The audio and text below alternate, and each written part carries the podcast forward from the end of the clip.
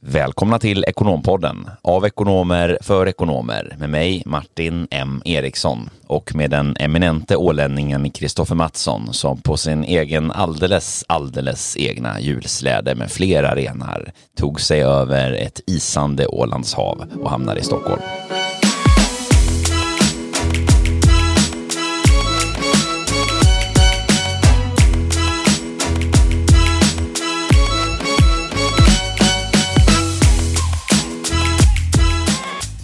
Från jorden till vårt bord säger Lantmännen i någon reklam här. Martin, kommer du ihåg den?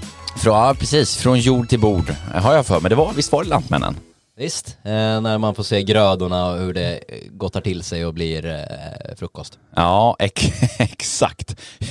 hur kommer det sig att du kommer att tänka på Lantmännen här? Jo, för idag ska vi prata om rekryteringsprocessen och det kan man ju nästan se som en förädlingsprocess, lite likt från jord till bord då. Ja, det skulle man definitivt kunna säga. Från att man sår en liten tanke i någon form till att man har eh, vattnat den och den har vuxit upp. Man har skördat den, förpackat den och plötsligt lever i den här nya världen som den hamnar i då.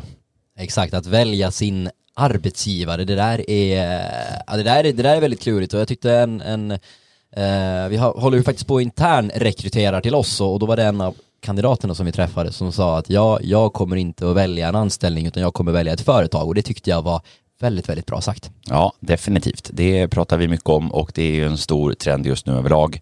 Ehm, även om det finns en stor grad av variation och möjligheter att byta arbetsgivare så är ju givetvis det också så att förändringstakten i alla bolag är hög och då betyder det också att det öppnas upp möjligheter inom ramen för bolag och därav blir kanske valet av organisation än viktigare.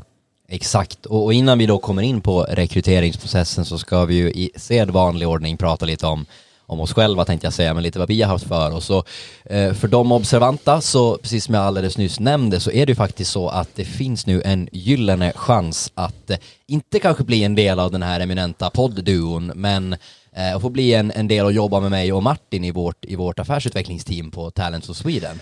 Det stämmer. Vi eh, rekryterar en ny kollega till det teamet eh, som eh, kommer att jobba tillsammans med, med dig och mig i eh, all vår, eh, all vår egentligen affärsutveckling av vår egna metodik och vårt eh, kunderbjudande likväl som det arbetet vi gör ute i våra kunders organisationer. Och sen stärker vi också upp våra andra två team, både vårt specialistteam på rekrytering och organisationsutveckling samt vårt interima team där vi också nu rekryterar och har massvis med spännande eh, utvecklingspuckar som är i full gång. Så eh, in och eh, scouta det och hör av er om ni är nyfikna så Definitivt. lovar jag att berätta mer. Passa på att fynda tänkte jag nästan säga, men det här är ju, det här är minst sagt, det är inget fynd, men det är ju en eh, fantastiskt underbar, underbart rolig möjlighet ska vi säga. Ja, det är vi helt överens om. Vad har du haft för dig sen sist då? Jag har eh, för första gången i år tagit på mig en huvudbonad i form av en mössa. Jag är ju ingen mössperson heller, men det var ju minus 16, 17, 18 grader här ett par dagar sedan och, och då till och med jag slank dit. Ja, inget fördomsfullt, men du bor ju ändå på Södermalm. Eh, ja, som sagt, inte nu då på grund av min renovering, men, men annars eh, så bor jag på Södermalm, ja. Exakt. Ja, men jag tycker du klär i mössa, Kristoffer. Det måste jag säga. Tack. Det är jag som har lärt, eh, lärt dig min ironi, ironi, så jag ser att det lyser igenom här. Nej men på riktigt alltså. Sen vet jag ju om att du är stolt över ditt vackra svalliga hår också, men, eh, men eh, jag får allt säga att du, att du klär i en, en mössa. Ja, det har jag också tjatat på om tidigare här. Nu är det återigen dags då för att hitta en ny frisör. Eh, får se om, om för, förra frisören här på Hornstull får fortsatt förtroende eller om det blir att testa någon ny. Men man behöver göra sig fin här nu när juletiden stundar Verkligen, det är dags. Det går raskt tempo framåt och vi har ju lite framför oss här nu. Eh, när vi släpper eh, nästa avsnitt efter det här så är det en årskrönika, Ekonompoddens egna årskrönika som vi släpper, som vi har börjat jobba med i full fart eh, och har hållit på med här i några veckors tid nu, vilket är jättespännande. Allting underbart som har hänt under 2021 ska vi summera som är relevant för, för dig som ekonom där ute i marknaden. Så att, eh, missa inte det avsnittet. Fantastico. Idag då så ska vi prata om rekrytering, Jättejättespännande och det är ju som vi var inne på juletider och nyårshelgen och även om det är i år ganska tradigt för oss arbetstagare, det är ganska få röda dagar så brukar ju ändå de här, eller den här högtiden eh, leda till en och annan Eh, ja, tid för reflektion helt enkelt och man, man kopplar av i soffan och käkar julgodis och hoppas på att få lite presenter i, eller julklappar i julstrumpan och, och allt vad det är som julen hör till. Eh, och då tänkte vi att vi skulle prata om rekryteringsprocessen idag, eh, komponenter i den och lite vad man kan eh, tänka på, vilka krav man bör ställa och, och, och så. Ja, och detta då utifrån ett individuellt perspektiv. Så vi kommer att liksom ta utgångspunkten här i, i individen i egenskap av ekonom. Ehm, alla tankar och reflektioner kring, kring hela den här jord till bord-processen. Alltså från att, att egentligen tanken börjar gro. Ehm, ska jag byta arbetsgivare? Ska jag byta jobb? Och vad är egentligen vad när de tankarna kommer? Vad är rätt? Vad är fel? Hur kan man tänka och resonera kring sin nuvarande situation? När man börjar sondera nästa steg, vad är det bra att, som är bra att tänka på då? Lite tips och tricks i det och konkreta delar i egentligen hela den här processen som vi tänkte guida er igenom idag. Precis, och där eh, vill vi också slå ett slag för ett tidigare avsnitt som vi spelade in eh, där vi vände oss till kanske den mer juniora eh, ekonomsfären eh, och då vad man kan tänka på när man ska välja sin arbetsgivare och ut, kanske komma ut, ta sitt första jobb etc. Och där har vi bidragit med ganska mycket tips också, liksom, men hur kan man preppa inför intervjuer i det digitala landskapet och, och, och sådär. Väldigt mycket bra tips och tricks även där, men här blir det då en lite mer generell tappning, liksom hur och vad man bör och kan tänka på. Precis. Och Kristoffer, eh, både du och jag har ju eh, erfarenhet från det här ämnet, eh, ganska djup sådan, både eh, givetvis i egenskap av, av oss själva och de eh, tankar som vi själva har genom åren eh, varit i när det har kommit till beslut inom det här området. Likväl som i vår roll givetvis, där vi ju eh, dagligdags eh, pratar med individer och eh, bolag i rörande just de här frågorna. Ehm, jag har jobbat ganska mycket med vår verktygsmetodik också för att bygga processer för att kunna så att säga, hantera det här på ett bra sätt. Eh, så det kommer att bli lite allmännyttiga tips också utifrån ett organisatoriskt och ledarskapsperspektiv som en naturlig följetong på de här resonemangen. Så att ni som är chefer och ledare och HR där ute, eh, heads up, mycket spännande som kommer här också. Vi tänker oss att vi ligger här i soffan med en kopp glögg och eh, knapra knaprar på en pepparkaka med blå mögelostkräm på. Eh, och så har vi då landat i att ja, men, av olika anledningar så känner jag att jag vill se mig omkring kanske i karriären. Jag vill testa på någonting nytt, någonting som, som kanske gnager. Jag vill, jag vill helt enkelt ha nya utmaningar, ja men vad det än kan tänkas vara. Och, och då skulle vi vilja liksom börja ta någon fotfäste i då att ja men vad faktiskt är orsaken till att du vill gå vidare och, och, och ta dig an nya utmaningar och vi skulle vilja uppmuntra liksom till självreflektion och kanske inventera hur din situation ser ut idag och vad är dina intressen? Vad har du för styrkor och, och svagheter och vad har du för förmågor? Eh, vilka är möjligheterna där du faktiskt är på din arbetsplats idag? Eh, jag menar man kan ju ändå konstatera att lösningen inte alltid nödvändigtvis behöver vara att byta jobb heller. Nej men exakt, det där är ju vanligt förekommande eh, tyvärr ska vi säga misstag som ju vi ser ganska ofta. Ehm, och ibland krävs det ju att komma ut i lite rekryteringsprocesser för att inse att gräset är inte grönare nödvändigtvis på andra sidan utan jag har det faktiskt ganska bra där jag, där jag är. Ehm, men men eh, likväl ser vi också de här eh, utfallen där folk flyttar på sig av tyvärr då fel anledningar eller där man helt enkelt kanske inte har settlat riktigt orsakerna och de grundläggande mest kritiska komponenterna som man vill ha settlat för att faktiskt landa rätt. Och då blir kanske beslutet om att byta arbetsgivare eller byta roll en konsekvens av att man var lite missnöjd och frustrerad i sin situation. Men man visste egentligen kanske inte riktigt varför och hoppades på att själva bytet skulle vara lösningen. Men det är ju sällan det som är lösningen utan det ska vara rätt byte och rätt innehåll. Och i vissa fall eh, kanske inte ens det var ett byte som behövde till utan det fanns andra lösningar. Så självreflektion definitivt första steget, att börja inventera sig själv. Vad är orsaken, precis som du beskriver? Och då kan man ju tänka lite i de här banorna, men eh, vem, vem är jag? Vad tycker jag faktiskt är roligt i min nuvarande situation, i min nuvarande tjänst? Vad är det jag upplever är problematiskt, utmanande, eh, som jag tycker är, är svårt eller tufft, eller som jag inte tycker är kul?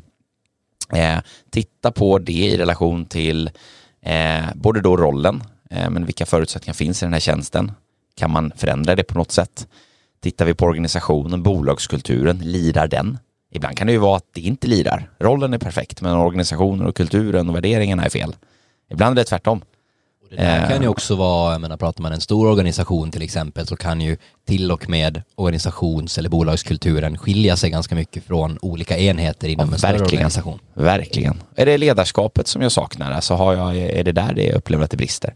Eller är jag för lite? Eller är det praktiska förutsättningar som, som inte riktigt lirar med tider eller restider eller liksom på arbetssättet hur man arbetar. Så att, att försöka bara rota det här lite mer tydligt så att man lite mer konkret vet. Och det kanske inte alltid är så himla lätt alla gånger och därför vi uppmuntrar till att man, man ska lägga lite tid och effort i den här processen så att man inte för fort så att säga går vidare. För att när man väl sen är inne i rekryteringsprocesser, träffar andra bolag, får andra erbjudanden, då ska man ju veta vad man faktiskt tar ställning utifrån, utifrån vilket perspektiv. Och har man koll på sig själv och har den här självkännedomen väldigt god för sig, då blir det mycket lättare att navigera bland de alternativen som finns. Det är ju intressant det där du nämner med, med referenspunkter och att gräset inte alltid är grönare på andra sidan och nej så behöver det ju definitivt inte alltid vara.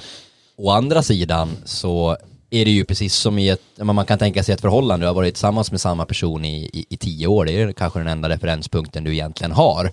Och likväl som med ett jobb, det blir också väldigt svårt att liksom veta och bilda sin uppfattning om vad som faktiskt finns där ute om man inte har undersökt det heller. Så man hör ju ganska ofta att ja men, men jag är liksom öppen, jag har inte låst någon dörr, jag är öppen för rätt möjligheter om, om den dyker upp. Och, och det är ju det då som kanske en extern leverantör, en rekryteringspartner kan hjälpa dig att eh, liksom modellera fram det, men vad är faktiskt rätt för dig? Vad är dina triggers? Vad är viktigt för dig för att du ska trivas, må bra och frodas på jobbet? Och en duktig rekryteringspartner eh, eller rekryterare kan ju också hjälpa dig, precis som du är inne på, att modellera fram vem är du?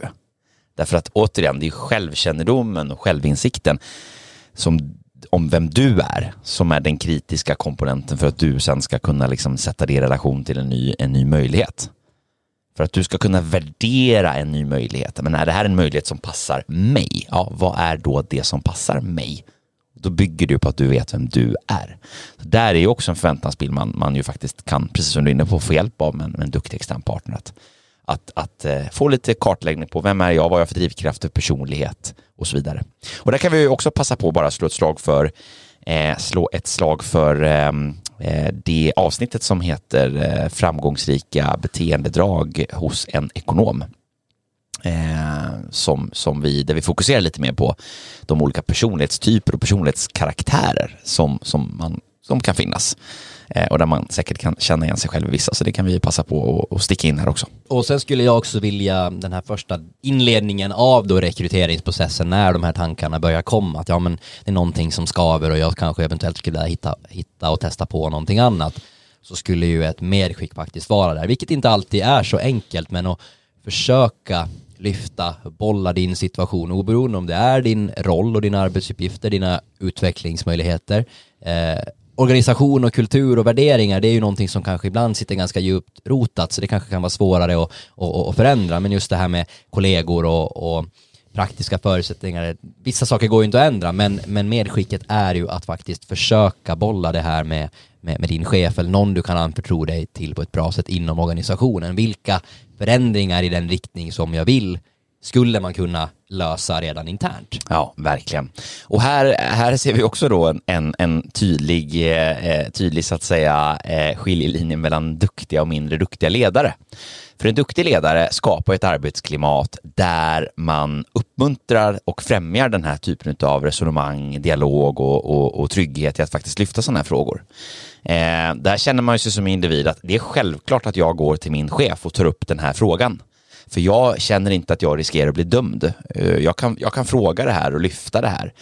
Eh, och jag menar, det ligger ju i varje enskild ledares intresse att säkerställa att man har medarbetare som är motiverade, som förstår varför de är i en viss tjänst i det här bolaget, som förstår den resan man är inne på, de mål som vi har och varför vi gör det som vi gör. Och förstå syftet och de absolut mest grundläggande rötterna till varför vi håller på med det vi gör det är en självklarhet att, att, att jag som ledare vill att, att mina medarbetare ska ha den här förståelsen. Och brister det där någonstans då, antingen att det är otydligt från bolagets håll eller om man som medarbetare funderar på kan vi göra någon ändring i min tjänst baserat på de här och de här och de här funderingarna som jag har ja, då vill man ju att man ska komma som medarbetare. Så eh, har du en, en ledare som eh, uppmuntrar till det här och du känner dig trygg i det här, gratulerar, eh, ta vara på det och eh, nyttja det. Har du inte det, eh, då får du faktiskt lyfta frågan själv, även om, även om det, då, för det är ju någonstans ändå en, ens eget intresse och ens eget ansvar. Till syvende och sist så ansvarar man ju själv för sin egen utveckling. Men, men det, det, är precis som du själv är inne på här, att börja i den ändan. Ja, helt riktigt. Och, och kan man också ställa sig frågan att om man har den här rädslan att lyfta en sån här fråga eh, för sin, sin chef eller, eller sådär så kan man ju fundera i de banorna att ja men är det faktiskt så jag vill ha det att jag inte ska, ska kunna bolla sådana här funderingar och, och, och, det är ju lite, vi kommer komma in och nämna det lite kort sen i slutskedet också, men när vi kommer till exempel till referenser. Det är ju ibland naturligt att man kanske inte vill lämna sin nuvarande chef till en ny arbetsgivare och de tar referenser på det när du har kommit så långt i den processen. Men samtidigt så i de bästa världar så har man haft en bra löpande dialog med chefen och man har tillsammans modellerat fram att vet du vad, det här kanske det kanske är helt rätt för mig att gå vidare för att det är så jag kommer att utvecklas bäst. Och, och då kommer det vara en självklarhet att du vill ju lämna den personen som är mest lämpad och kan ge dig de bästa referenserna också. Mm. Nej men så är det. Och det, vi kommer ju komma in lite på det senare i avsnittet också, men jag tycker du berör en väldigt intressant, eh, en väldigt intressant punkt här. Och det är just den, den också synen utifrån ett, ett, som jag anser är ett tryggt ledarskap. Och det handlar ju om att det finns ingen konflikt eller ett, det finns liksom ingen, ingen, alltså det finns ingen motsättning mellan att ändra fatta ett beslut att fortsätta en resa ihop eller faktiskt avsluta en resa ihop. Därför att som, som återigen utifrån ett ledarperspektiv, jag vill ju bara att den här resan ska fortgå baserat på att det här är rätt för individen och rätt för organisationen. Det är ju då man ska jobba ihop kommer, den dagen man kommer till den punkten att man inser att okay, individens utveckling och organisationens behov eller organisationens utveckling eller värderingar eller vad det nu än är inte riktigt lirar längre. Det, det, man, man helt enkelt, det, det, målet är inte längre samstämmigt eller förutsättningarna finns inte riktigt för att det ska vara 100% rätt. Då ska man ju kunna gå vidare. Så också ett tryggt ledarskap är ju faktiskt att kunna fatta den typen av, av beslut att lämna eh, att lämna, eh, då ska inte det vara ett problem att kunna lyfta det med sin ledare. Och, och det är också utifrån ett ledarperspektiv, det man inte vill och det man vill undvika, det är ju att sådana här beslut ska tas på felaktiga grunder. Det vill säga att man säger upp sig från ett arbete och så går man vidare. Så visar det sig när man väl har tagit det beslutet och skrivit på med ett nytt jobb att nej, det var ju dumt. Eh, det här fanns ju faktiskt möjligheter internt att vi hade kunnat lösa det här och så har man, har man inte ens gjort det för att man inte har lyft frågan. Så verkligen, inventera sig själv första steget. Andra steget, börja inventera den nuvarande organisationen och de nuvarande förutsättningarna. Verkligen, och jag kan gå i god för den fantastiskt underbara tryggheten och känslan det ger om man har en sån relation. Det hade jag även tidigare med Tobias till exempel som vi hade i studion här eh, som gästade oss i podden också som jag berömde över det mm. att vi kunde ha en sån öppen diskussion och, och, när du väl har kommit dit oberoende om du landar i att jag ska gå vidare eller jag ska bli kvar mm. så bara ha den tryggheten att du kan ventilera det här, de här frågorna med någon mm. eh, på din nuvarande arbetsplats är eh, fantastiskt skönt. Verkligen. Eh, bra, när man börjar kika sig omkring då och eh, utgår ifrån här helt enkelt att eh, nu har jag gjort det här och jag behöver titta mig och se mig omkring. Jag behöver få lite nya infallsvinklar fundera över vad finns det för möjligheter för mig där ute i marknaden. Eh, vad är då de frågorna som man bör liksom fokusera på? Vad är det man ska ta reda på? Hur tar man bäst reda på det här? Vad tänker du spontant? Ja, men och det tror jag vi har nämnt tidigare också här i, i podden och jag brukar alltid säga det till alla kandidater jag pratar med eh, också att eh, använd ditt nätverk, alltså först och främst. Hur ska man få reda på information om ett bolag, om en annan yrkesroll, om en bransch eller, eller vad som? Ja, men använd faktiskt befintliga nätverk. Använd dina kompisar som jobbar i en annan roll än vad du gör. Eh, och som vi också har nämnt innan, men dels använd ditt nära nätverk, men jag menar om du är intresserad av ett bolag, det där känns spännande, eller du är intresserad av finansbranschen och, och byta, eller du är intresserad av att byta till fastighetsbranschen, ja, men bjud ut någon rackare som jobbar där och förhör dem tänkte jag säga, nej men bjud ut dem på en kaffe och, och fråga, ja men hur är det att jobba i den här sfären? Men det kan man ju inte göra om man inte känner dem, Kristoffer. Nej, framförallt inte när man bor i Sverige heller. Exakt. Det är väldigt osvenskt. ja, det är ju så osvenskt. Nej, men exakt. Eh, vad är vi rädda för? Kom igen. Eh, det är inte så svårt, utan eh, då, jag kan säga att många människor blir faktiskt smickrade eh, när man gör det. Det har jag av egen erfarenhet upplevt många gånger. Ja, verkligen. Och framförallt när det är så stora beslut vi pratar om. Alltså vi pratar life changing och gå och byta jobb någonstans du spenderar. Alltså det är ju, du sover och jobbar, det är det du gör om dagen. Ja, och folk lägger ju eh, alltså generellt sett mer tid på, på, på helt andra frågor som, ja men vad är nästa semesterresemål eller vad ska, vad ska, vad ska vi köpa för bil nästa gång? Eller eh, vad, vad eh, ska jag sätta för, eh, för färg på den här krukan, lerkrukan i hallen. Alltså inget ont om det, det är ju intressen och hobbys och, och så vidare. Men eh, ibland är det nästan lite skrämmande hur, hur obrytt det kan vara om man faktiskt tar reda på alla de viktiga detaljerna som man bör, bör ta reda på för att faktiskt fatta ett rätt beslut. Verkligen, och i kontrast till exempel till ett husköp eller ett lägenhetsköp som ju ofta går extremt snabbt. Du går på en visning och sen så investerar du flera jäkla miljoner och lånar dig över hus och hem och Eh, sen köper du och investerar i en eh, lägenhet som du knappt har tittat att det finns brickor bakom första tavlan i hallen liksom. Så har du ju alla möjligheter i världen att faktiskt utreda om det här skulle kunna vara en bra arbetsgivare eller en bra, eh, ett bra bolag eller trevliga arbetsuppgifter för dig. Verkligen. Så det är väl verkligen så här första steget att hitta om det, om det är ett specifikt bolag eller en specifik roll eller en specifik bransch. Hitta en person som jobbar i det här. Börja i ditt nätverk. Har du ingen i ditt nätverk, ja men har, känner du någon som känner någon? Och, äh, och våga vara lite osvensk och, och eh, kolla upp någon på ett bolag som du tycker ser och verkar trevligt ut och hör av dig och fråga om du får bjuda dem på en kaffe för att du är nyfiken på att höra mer om hur deras eh, jobb eller roll ser ut. Mycket bra. Och vad ska man då ställa sig för frågor sen då när vi går vidare till, till nästa steg? Vad behöver man veta om bolaget eller organisationen eller rollen? Mm, det kan man, skulle jag säga, eh, dela in lite på lite olika nivåer och sen kan vi prata om det här i lite olika faser. Eh, först har vi liksom en, någon form av scoutingfas, alltså det handlar ju om att liksom bilda sig ett, en, en idé om det här är väldigt stora drag, alltså det kanske handlar om bolag överlag eller en roll överlag eller branscher överlag eller, eller vad det nu arbetssätt överlag eller vad det nu må vara så att säga. När vi är i slutet av en rekryteringsprocess då har vi ju och ska fatta ett beslut. Då har vi en väldigt konkret tjänst framför oss. Ett konkret bolag, en konkret roll. Eh, där vi liksom behöver fördjupa vår kunskap på, på ett betydligt så att säga, mer spetsigt sätt Eh, om just den här enskilda rollen eller då möjligheten. Men om man börjar i de, i de lite större dragen så ehm, eh, när det gäller bolag så tycker jag att eh, frågor som rör den grundläggande drivkraften och värderingarna i bolaget på ett lite mer så existentiellt sätt är ganska viktiga att förstå lite säkert. Men vad har det här bolaget för verksamhet och varför håller man på med det man gör? Och då kommer du ganska snabbt in på skiljelinjer som kan vara väldigt avgörande och påverkande i det här är ju till exempel hur ägarstrukturen ser ut. Är det här ett entreprenörsdrivet bolag med en stark entreprenöriell kultur där fortfarande grundarna kanske jobbar i verksamheten eh, och är ägare och driver det här med hjärta, passion för att man har en stark förankring om att man vill förändra marknaden på en viss punkt eller bidra till en bet någonting bättre i ett visst avseende eller vad det nu må vara.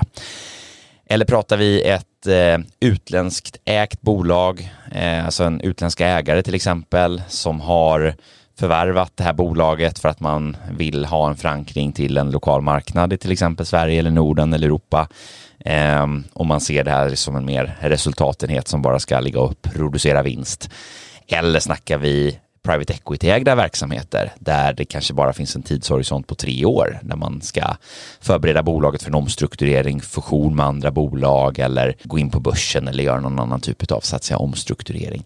Vad är det för fas bolaget befinner sig i och hur ser ägardirektivet ut? Det här är frågor som kommer påverka din roll, din avdelning och din chef.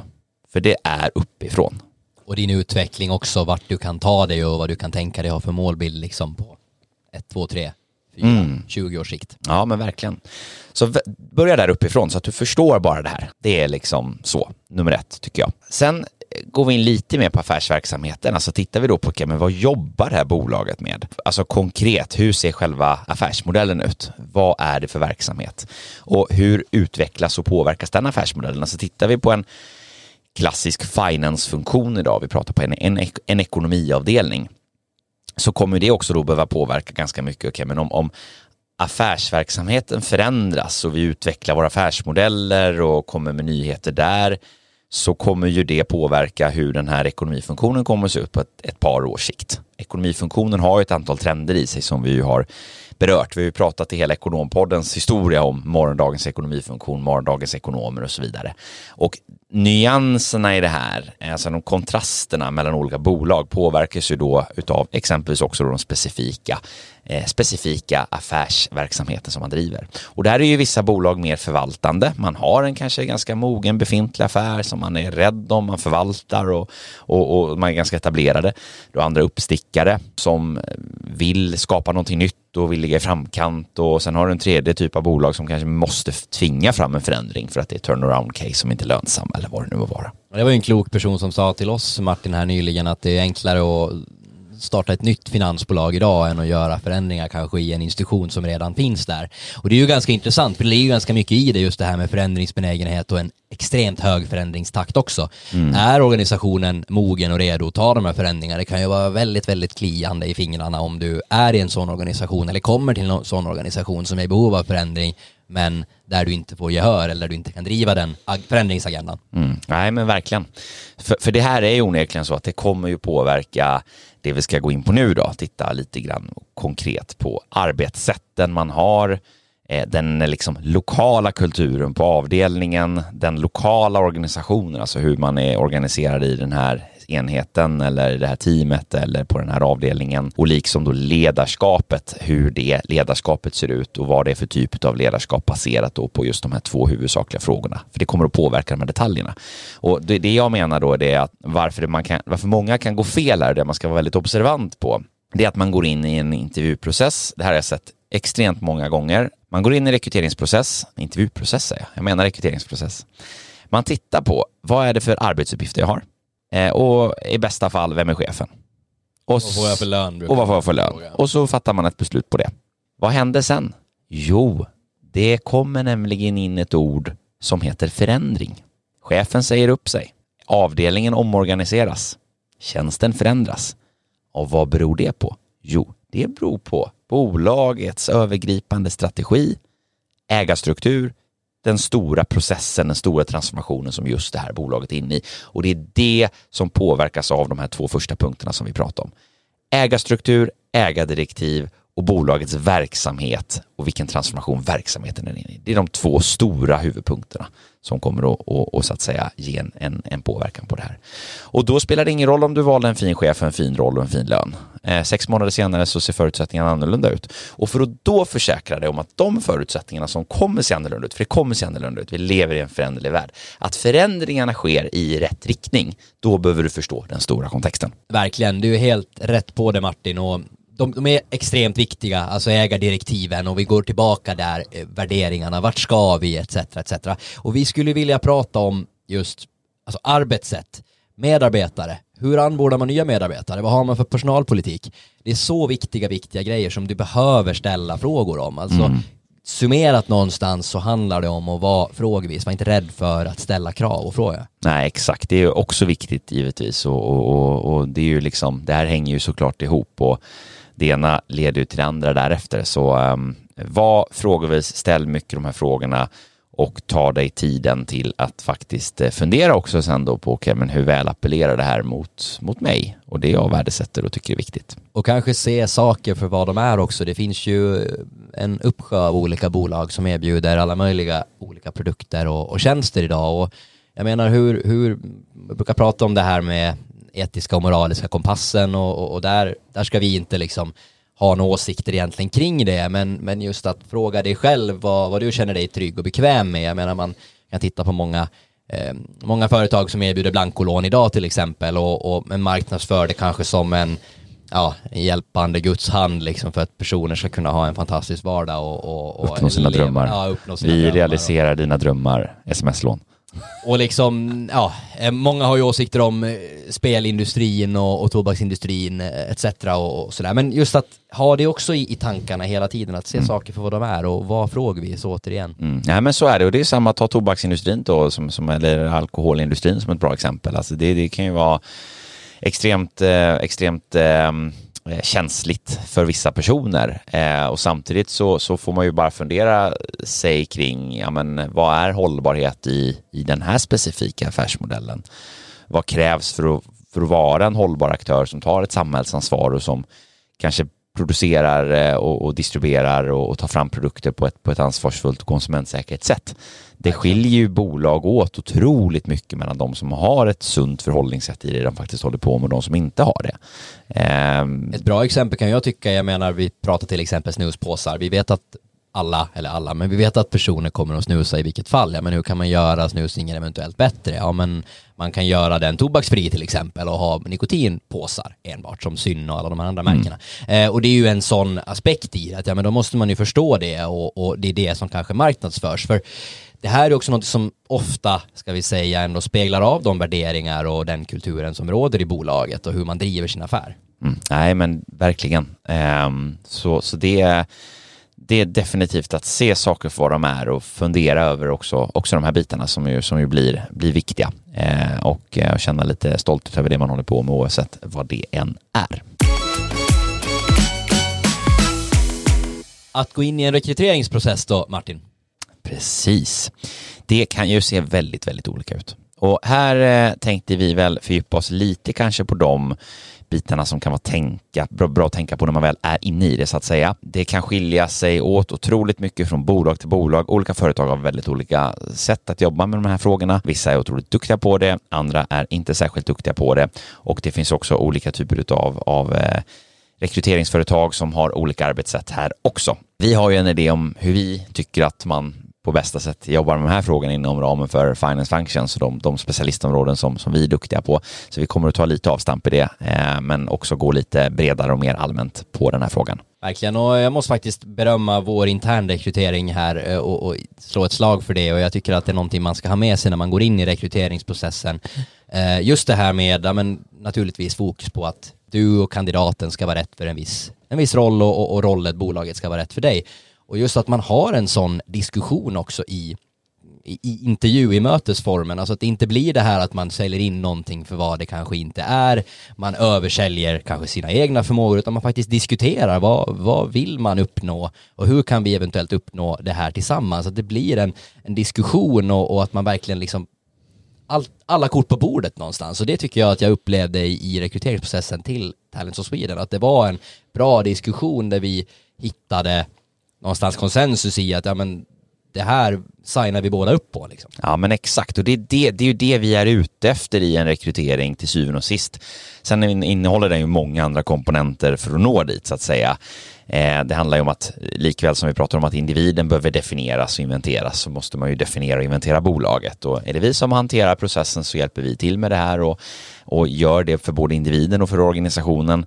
Är det utifrån en egen individs perspektiv så behöver man tänka på frågan själv. Är man själv ledare så behöver man förstå att det är så här jag behöver tänka. Ska jag kravställa på ett rekryteringsbolag så är det på det här sättet de bör leverera för att de faktiskt ska, ska kunna ens ha förutsättningar att leverera en kvalitativ tjänst. Men eh, utöver alla de grejerna, det vi vill resultera i i slutet, det är ju att ge intressenterna, parterna i det här, alltså den enskilda individ, eller varje enskild individ, likväl som den rekryterande organisationen, förutsättningen att fatta rätt beslut. Vad det beslutet sen är, om det är vi ska anställa eller vi ska tacka nej till dig, och om det är jag tackar ja eller jag tackar nej till det här jobbet, det beslutet i sig är helt ointressant. Det viktigaste är att det beslutet blir rätt, för det är då vi också i slutändan får in rätt kandidat. En rekryterare så kan man då egentligen betrakta, eller bör man kanske betrakta som en diplomat i någon, någon mening och liksom vara någon form av objektiv eh, person som håller ihop en process mellan en kandidat och mellan ett rekryterande kundföretag. verkligen det man ska vara. Därför att det är ju det som är det långsiktiga underläggande, alltså det långsiktiga grundläggande, mest fundamentala intresset är ju att det ska bli rätt för att säkerställa träffsäkerhet. Och det är ju där jag kan tycka att det är lite tråkigt i, i, idag så som det ser ut i marknaden eh, när det har blivit det här krängandet, eh, CV-langandet och det skickas tjänster på LinkedIn till höger och, och till vänster. Och då kan man ju liksom fundera, eh, fundera på det att ja men vill rekryteraren, är han på din, eller är han eller hon på din sida? Eller vill rekryteraren sälja ett jobb till dig? Eller vill man faktiskt att du ska fatta rätt beslut? För att rekryteraren uppriktigt tror att det här är rätt beslut utifrån det du har beskrivit för, för honom eller henne. Så det där, är, det där är väldigt, väldigt viktigt och det där tror jag också man kan återhämta liksom, eller komma tillbaka till det här med hur värderingsstyrt någonting är. Jag menar, har man som bolagskultur på ett bolag som jobbar med rekrytering till exempel, att du ska ut och, och, och sälja och du ska eh, leverera x antal rekryteringar på en månad då kommer du ju ha ett incitament som driver dig till att stänga den affären. Ja, om det är det som är den huvudsakliga målbilden, så, eller må, huvudsakliga mättalet så att säga, så är det precis så det är. Så här kan vi bara, det är bara ett medskick till alla. Det är både till liksom individer, alltså egen, egenskap av kandidat när man är ute och söker jobb eller tittar sig efter nya tjänster eller träffar rekryteringsföretag eller uppe i processer. Likväl som, som företag som, som köper in de här tjänsterna och upphandlar rekryteringsstöd externt ifrån. Att titta på vad är det fundamentala grundläggande eh, intresset som faktiskt rekryteringsbolaget har har. Är det här att de vill sälja jobb eller stänga, få en påskrift, kunna gå vidare och fakturera? Eller har de ett mer långsiktigt, eh, en, en långsiktigt hållbar affär i sitt förhållningssätt? Det är en, en, finns en stor varians däremellan, så det, det bör man definitivt vara vaksam på. När man väl har kommit dit så är det ju fantastiskt, för då om du liksom på något vis kan se till att rekryteraren faktiskt är på din sida, det är en lyhörd sådan som lyssnar in vad du vill och, och allt allt sånt och kan tillhandahålla relevant information om organisationen, svara på frågor, vara ett stöd och ett bollplank. Jag brukar prata om att vi är psykologer här allt, allt, allt jämt. Eh, men då, då har man kommit väldigt, väldigt långt för då har man ju skaffat sig en karriärpartner. Verkligen, det, och det är ju precis det som är, är syftet att få hjälp med de här frågorna för att det vi vill är ju att alla ska fatta rätt beslut, vad det sen är det är ju helt ointressant eh, i sak. Eh, det viktigaste är, är, ju så att säga att det blir rätt. Och samma mognadsgrad, precis som du själv som vi är inne på här och, och beskriver just att, att titta på men vad är det rekryteraren vill. Samma eh, kan man ju ställa om arbetsgivaren. Hur ser rekryteringsstrategin ut till den här tjänsten eller till det här bolaget? Och då kommer du på frågor som till exempel, jobbar man med det som jag lite skämtsamt brukar kalla för trial and error metodik, det vill säga vi rekryterar in till en tjänst, vi rekryterar fem personer, vi kalkylerar med att två är kvar efter sex månader. Är det strategin? Eller är strategin vi jobbar otroligt kvalitativt och medvetet för att säkerställa att alla förutsättningar finns på rätt plats när vi eh, ombordar den här medarbetaren och sen gör vi allting för att det ska flyga. Och det kommer med absolut största sannolikhet också att göra det. Och sen finns det givetvis en glidande skala mellan de här två extremerna. Men den kan man också lite fundera på. Hur, ans hur ambitiös är ansatsen? Eh, därför att du som individ investerar ju faktiskt hela din karriärsituation i det här. Som bolag är det ju såklart viktigt att det blir rätt också, men, men i ärlighetens namn så ett bolag som har en avdelning med tio medarbetare som gör samma sak, lite förenklat, så är risken eh, en på tio här. Eller vi pratar om en, en av tio så att säga i förändring av struktur. Medan för den enskilda enskild individen så är det ju 100 procent. Det är ju hela karriären. Man har inte tio jobb, man har ett jobb och där finns ju en respektfullhet som jag tycker kan saknas ibland i, i faktiskt lyhördheten. Och det, det, det, det, det måste jag hylla de bolagen och de organisationer och de rekryterare som har det tänket och som vi står väldigt mycket bakom att, att man behöver förstå det här eh, och, och, förstå så att säga, konsekvensen som det faktiskt får för den enskilda individen och, och respektera det och när man gör det, det är då man också får förutsättningar att göra ett riktigt, riktigt, riktigt bra jobb. Jättebra, det här låter ju lika krispigt som en decembermorgon med med minus 18 på tempen. Men du, när man har kommit så långt då att man faktiskt känner att det här känns riktigt, riktigt bra, du har eh, du har liksom utvärderat alla de här sakerna som vi har diskuterat och, och gett tips om eh, under avsnittets gång här. Och du ska meddela ett uppsägningsbeslut och, och det här beror ju naturligtvis lite på som vi var inne på, vad har du för relation med, med din chef? Men du har ändå kommit så långt att ja, men jag, jag, jag ska se upp mig. Ja, exakt. Och, men har man då gjort det här rätt inom situationstecken från början så, så är det eh, ganska enkelt.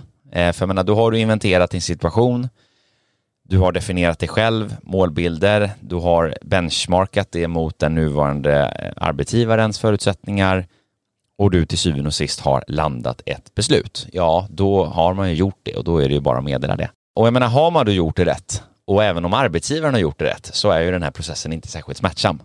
Då är man ju, när väl det här beslutet kommer, antingen så har man ju haft en dialog löpande med sin arbetsgivare och de vet om att det här kommer komma, eller så vet de inte om det. Det kan ju variera givetvis från gång till gång, men oberoende av det så kommer beslutet vara eh, så att säga eh, ganska rätt, eh, givetvis då.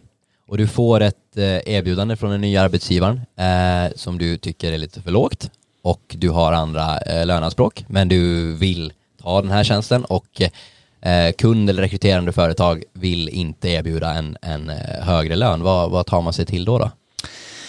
Ja, alltså det där är också en sån här sak som, som vi som extern partner jobbar med väldigt tidigt i processen, förväntansbilder och förutsättningsbilder. Just för att minimera risken att hamna här. Som om, om, om, om eh, ersättningsfrågan inte lirar av någon anledning, då, då vill man ju inte, då går man ju inte gärna, om det liksom är för stort gap och det inte liksom riktigt kanske finns förutsättningar att mötas, eh, då, då, är man ju mer restriktiv mot att ta en, en, en kandidat vidare i en, i en enskild process. Men eh, givetvis, eh, om man ändå hamnar där, oberoende av anledning så att säga, så eh, är det ju en, en, eh, en klassisk förhandlingsfråga. Då får man ju argumentera för sin sak och, och eh, arbetsgivaren behöver ju så att säga själv ta sig en funderare på, ligger vi lönemässigt, marknadsmässigt rätt och eh, hur bör vi tänka med den här, med den här lönebilden? Och, och, där är ju vi extremt stödjande och rådgivande i de diskussionerna. Här skiljer det sig också väldigt mycket, ska vi tillägga, från fall till fall. Alltså vad är påverkansbilden i det här? Alltså om jag gör den här löneförändringen, vad har jag för interna lönestrukturer? Hur kommer det här påverka andra interna medarbetare? Etc. etc. Hur kan man lösa det på ett bra sätt? Så det här är, det är ett jättestort komplex. Det är nästan två poddavsnitt bara med lönesättningsfrågor. Eh, men, men eh, förhandling, det är ju det man behöver göra. Och jag kan ju också tycka, när vi ändå är inne på, på temat förhandling, just det här med när, vilket ju är så oresonligt vanligt och jag tycker det är så oresonligt tråkigt, när man kommer till det här att man ska säga upp sig och man får det här motbudet och man känner varför kunde vi inte bara ha det här, det här samtalet innan när jag redan har en, en fot genom dörren, men då passar det att, att, att höja upp min lön eller komma med något jätteattraktivt eh, erbjudande. Ja, exakt. Och då ska vi fundera på när du blir i den situationen, det vill säga att du meddelar en uppsägning och så är arbetsgivaren på väg att återköpa det, det vill säga återkommer med ett mycket bättre erbjudande, till exempel höjd lön. Då ska man ställa sig den första frågan. Vad beror det här på?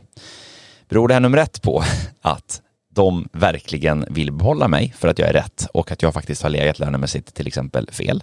Eller beror det här helt enkelt på att eh, kostnaden för att bli av med mig är så pass stor så att nu när det väl är ett faktum att det är dags att, bli, att jag faktiskt ska lämna, då realiseras helt enkelt, det är först då som, som värdet är att trycka upp lönen eh, för att helt enkelt minska eh, minska konsekvensen eller undgå konsekvensen av att, att faktiskt den här personen lämnar. Och som kandidat kan ju det minst sagt vara lite trixigt att, att veta vilken anledning eller vilken av de här anledningarna det är. Ja, och därav är ju min rekommendation eller min syn på den här frågan väldigt enkel och den handlar ju om att du som arbetsgivare ska ju alltid lönesätta dina interna medarbetare baserat på dess marknadsvärde.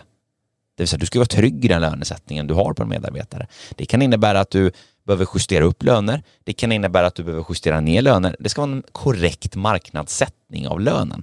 Och, och här ser vi också lite mer vissa agila organisationer. Vissa är väldigt vad ska vi kalla det? Man, går, man, går ju liksom, man har ingen struktur alls i det här. Det är liksom lite hux, haff, hipp som happ och man, man går lite på känsla och skjuter från höften.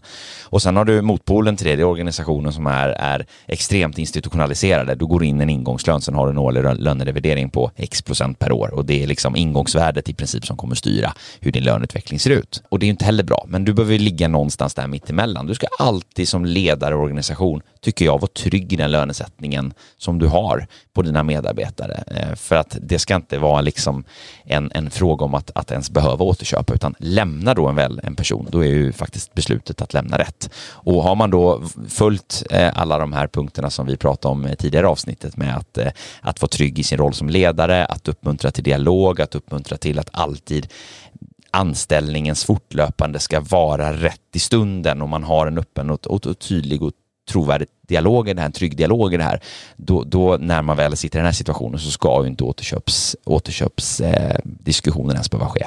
Jag, jag håller helt med dig. Och jag skulle också vilja skicka med avsluta med flaggan i topp. Jag tycker det är så extremt viktigt. Och vi pratade ju om nätverk tidigare och just det här med ja, men både de, kanske det kundföretaget som du har varit och träffat och framförallt den arbetsgivaren som du är och som du går vidare, ja men under uppsägningstiden. Du vet aldrig när du kommer stöta på dina kollegor etc. Eh, framåt i tiden när du kommer att jobba med dem. Det kanske är en kund, en leverantör eller en framtida kollega eller, eller ledare eller chef. Ja, gud. Och här är ju verkligen samma sak utifrån arbetsgivarens perspektiv. Alltså, verkligen avsluta med flaggan i topp. Det är ju en ambassadör som lämnar bolaget. Och eh, är du en sund organisation och är stolt över det du håller på med, både eh, i form av affärsverksamhet du håller på med och, och medarbetarpolitik och, och intern, eh, intern personalutveckling och allting som, som man gör och man är trygg och stolt i sin, i sin ledarroll, ja, då eh, är det ju en ambassadör som, som går ut. Och det är ju, trots att det låter så självklart, det bör vara självklart, så är det så förvånansvärt ofta som det här inte blir bra. Ja, det är, visst är det skrämmande. Jag tycker det är beundransvärt. Det är beundransvärt. Jag vet inte om man ska använda ordet beundransvärt. Förvånansvärt. jag, jag tycker det är förskräckligt om man ska vara helt ärlig.